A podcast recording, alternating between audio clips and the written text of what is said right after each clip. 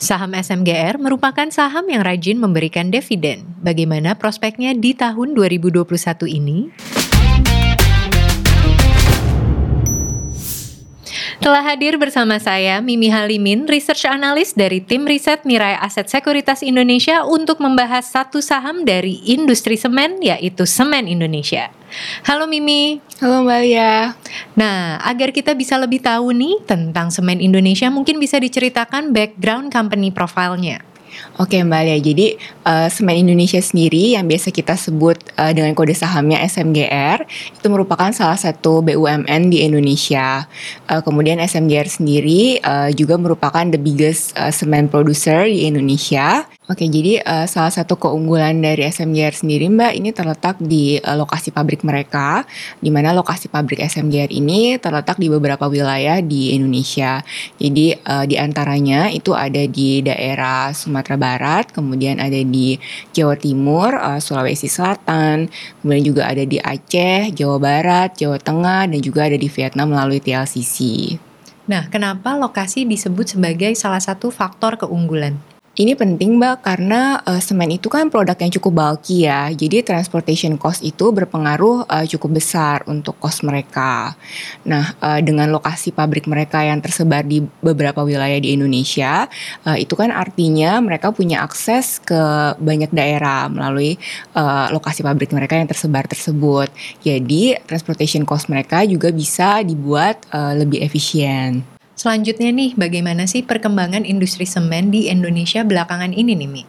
Jadi Mbak, uh, sebelum kita masuk ke perkembangan dari industri semen belakangan ini, mungkin uh, ada hal yang perlu kita ketahui juga bahwa uh, permintaan semen di Indonesia itu sebenarnya ada seasonality-nya nih Mbak.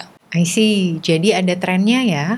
Iya Mbak, jadi uh, biasanya pada semester pertama itu permintaan semen uh, relatif lebih rendah dibandingkan semester kedua. Kalau untuk di semester kedua, permintaan semen biasanya relatif lebih tinggi karena ditopang dari uh, dimulainya lebih banyak proyek-proyek construction. Nah, untuk perkembangan dari industrinya sendiri, Mbak, kalau kita lihat domestic cement consumption di first Q 2021 kemarin, memang secara year on year comparison, itu perbaikannya itu belum terlalu signifikan.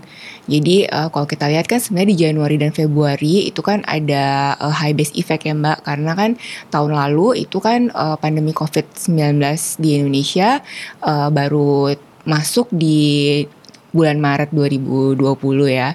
Eh, jadi ada ada sedikit high base effect di Januari dan Februari. Nah, kemudian juga ada faktor cuaca di awal tahun kan uh, banyak hujan ya di awal tahun.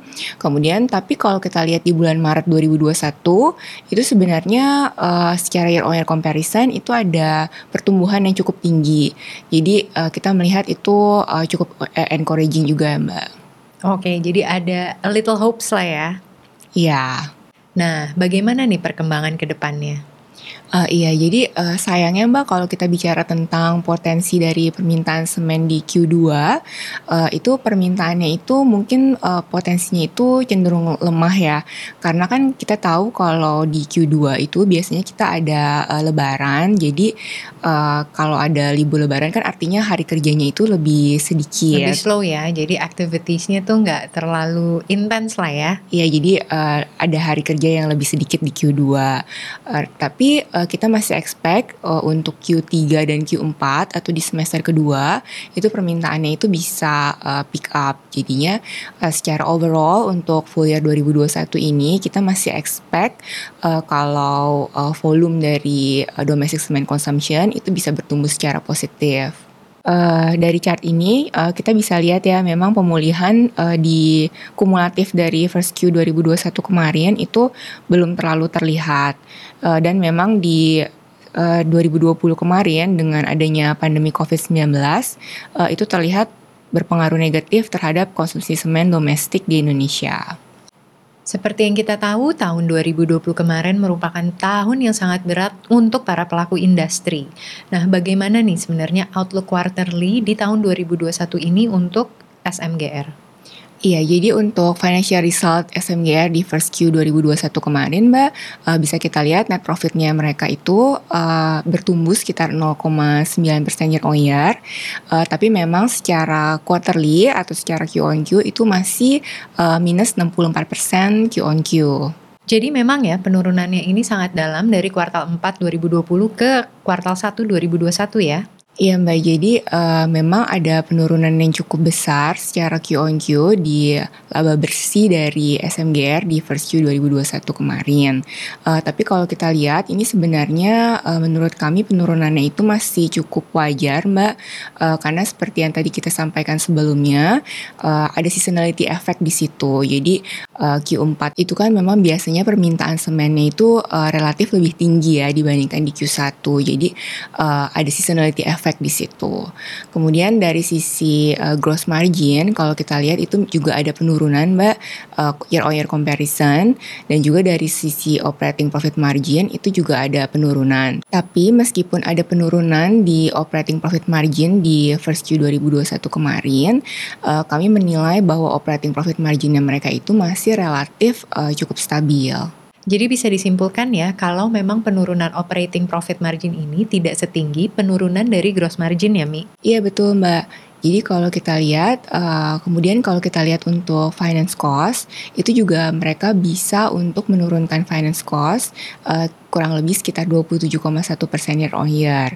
Jadi ini juga tidak terlepas dari posisi utang SMGR uh, yang lebih rendah dibandingkan posisi utang mereka di tahun lalu.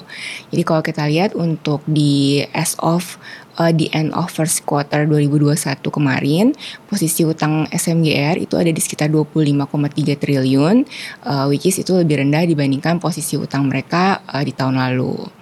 Kemudian untuk revenue-nya sendiri, uh, revenue SMGR di first Q 2021 kemarin itu memang masih turun Mbak, jadi ada uh, minus 5,9% year on year uh, atau 15,4% Q on Q. Kalau dari sisi revenue, penurunan year on year ini jauh terlihat lebih kecil dibandingkan penurunan kuartal to kuartal. Dan hal ini sudah dijelaskan karena adanya seasonal effect. Bagaimana kalau dari sisi volumenya nih? Uh, iya betul Mbak. Jadi uh, seasonality effect itu uh, juga merupakan emang salah satu faktor kenapa uh, penurunan dari year on year-nya itu relatif lebih kecil dibandingkan penurunan uh, Q on Q. Uh, kemudian uh, untuk volumenya Mbak Uh, jadi untuk pencapaian volume kumulatif first Q 2021 SMGR sendiri, uh, volume domestic sales, uh, including domestic clinker sales, SMGR uh, turun 8,4% year on year. Namun volume regional sales melonjak 58,1% year on year, sehingga total volume penjualan uh, menjadi 9,7 juta ton atau masih uh, positif 2,1% year on year. Untuk ke depannya, kira-kira faktor pendukung apa yang bisa membantu recovery dari performance SMGR ini, Mi? Uh, iya, jadi uh, tentunya kita berharap kalau aktivitas ekonomi bisa segera pulih ya Mbak.